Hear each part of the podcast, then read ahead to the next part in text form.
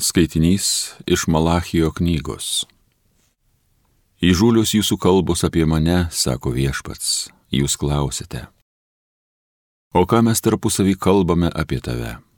Jūsgi sakote, beprasmiška Dievui tarnauti, kokia mums nauda, kad laikomės jo nurodymų ir vaikštome apsivilkę gedulų kareivijų viešpaties akivaizdoje.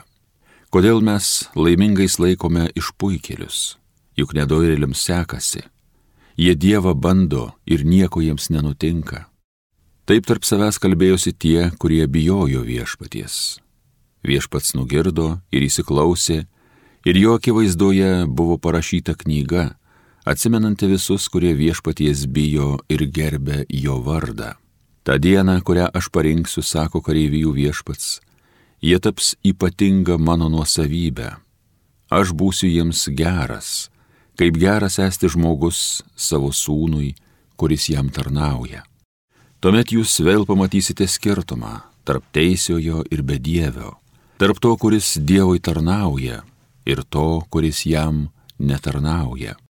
Atei štai diena, karšta tartum krosnis, tada visi išpuikeliai ir nedorėliai pavirs į šiaudus, ir ateisinti diena juos sudegins, sako kareivijų viešpats nei šaknies, nei šakos jiems nepaliks.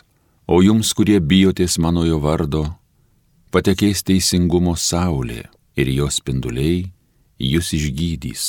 Tai Dievo žodis.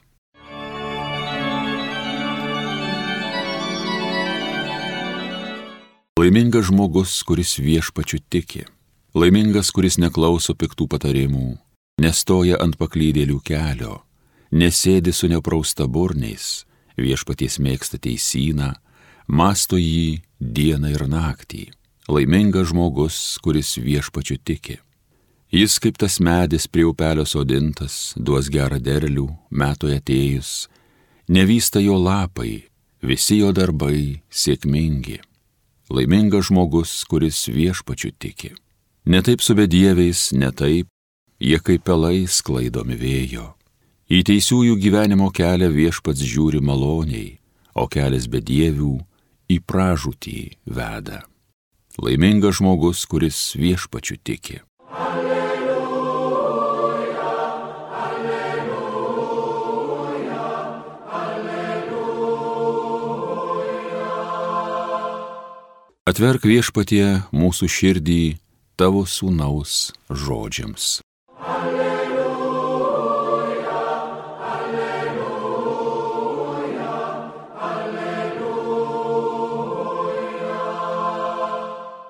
Pasiklausykite Šventojios Evangelijos pagal Luką. Jėzus kalbėjo savo mokiniams.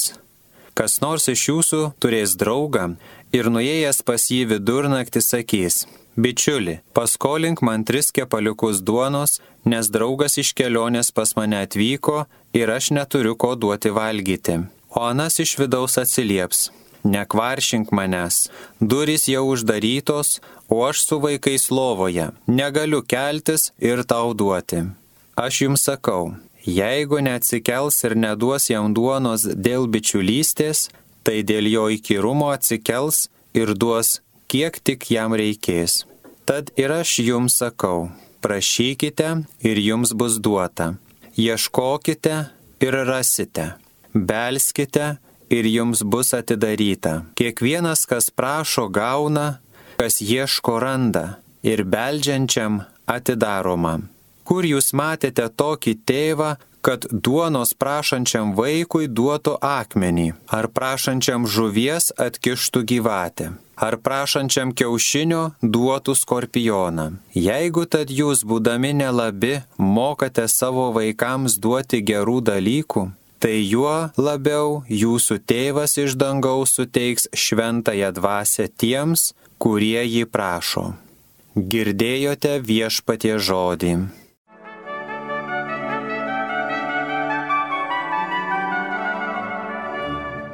Mėly Marijos radio klausytojai, brangus tikintieji, ką tik išgirdote ištrauką iš Evangelijos pagal Luką 11 skyriaus.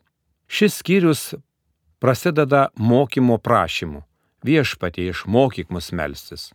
Koks didingas, kiek daug pasakantis momentas. nebejotina, kad mokiniai buvo tikintis žydai, nuo mažumės išmokyti maldų, kuriomis kasdien meldėsi.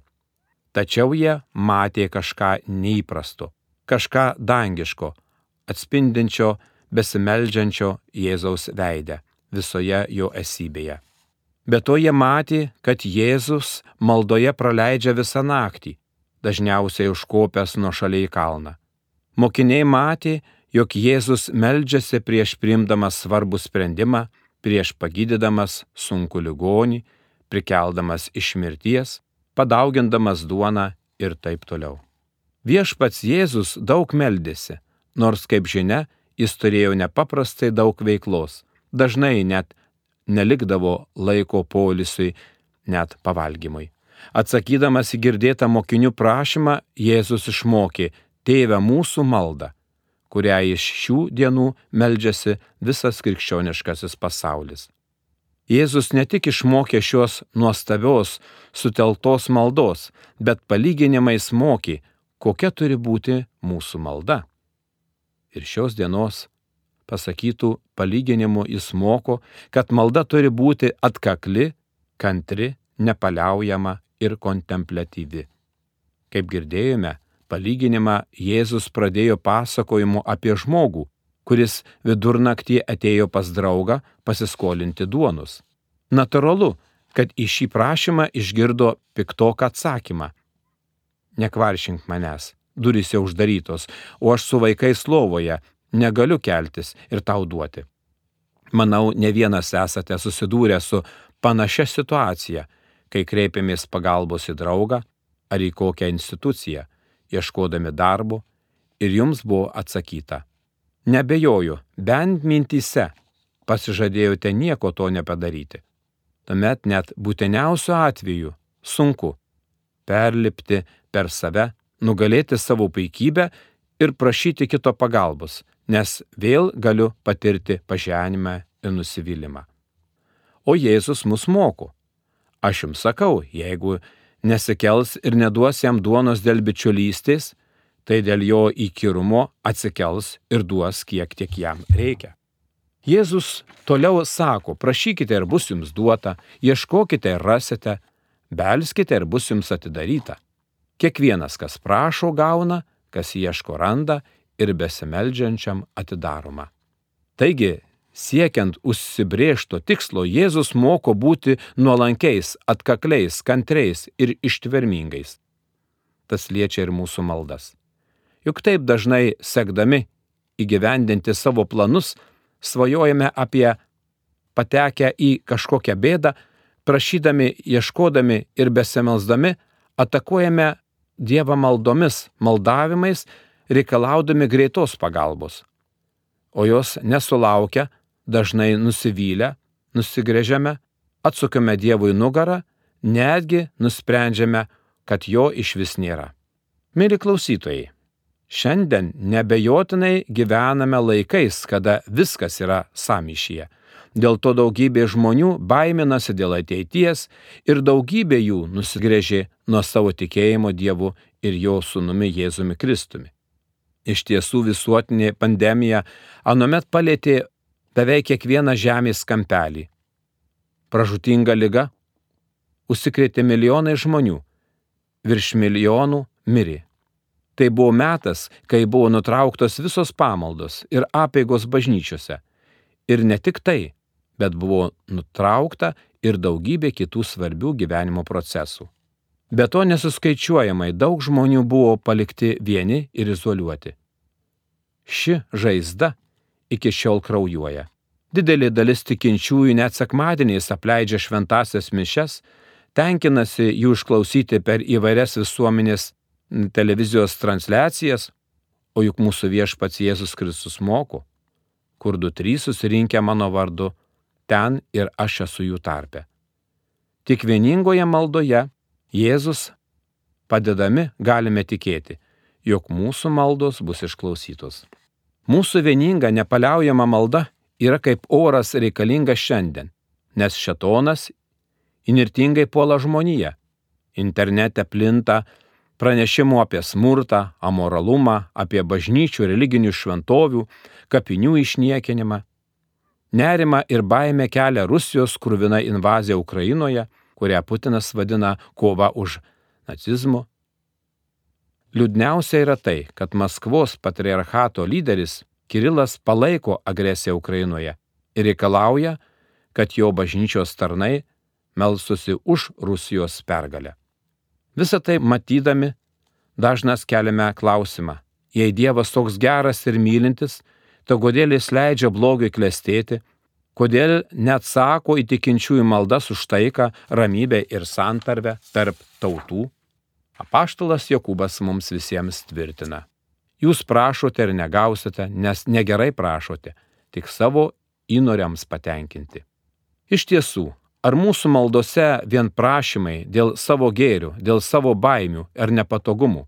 Ar bent kada melžiame ir prašome Dievo malonės atsivertimo tiems, kurie tą blogį kuria?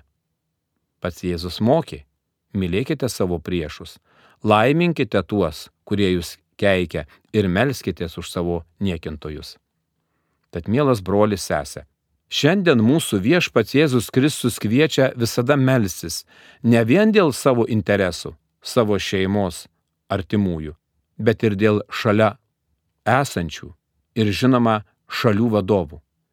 Kad sumaniai vadovautų dėl drąsių žmonių, kurie šiandien narsiai kovoja su visomis socialinėmis, politinėmis, biologinėmis ir kitomis blogybėmis veikiančiomis visame pasaulyje nuoširdus meldimasis dėl tų, kurie gali būti laikomi mūsų priešais, parodo mūsų tikėjimą, kad Dievas gali pakeisti mūsų ir kitų žmonių širdis. Ir nepamirškime vieno dalyko. Visos mūsų maldos turi baigtis malda, kurią Jėzus krauju prakaituodamas prieš kančią ir mirtį meldėsi alyvų kalne. Tėve, jei nori, atimk šią taurę nuo manęs tačiau te būna ne mano, bet tavo valia. Amen.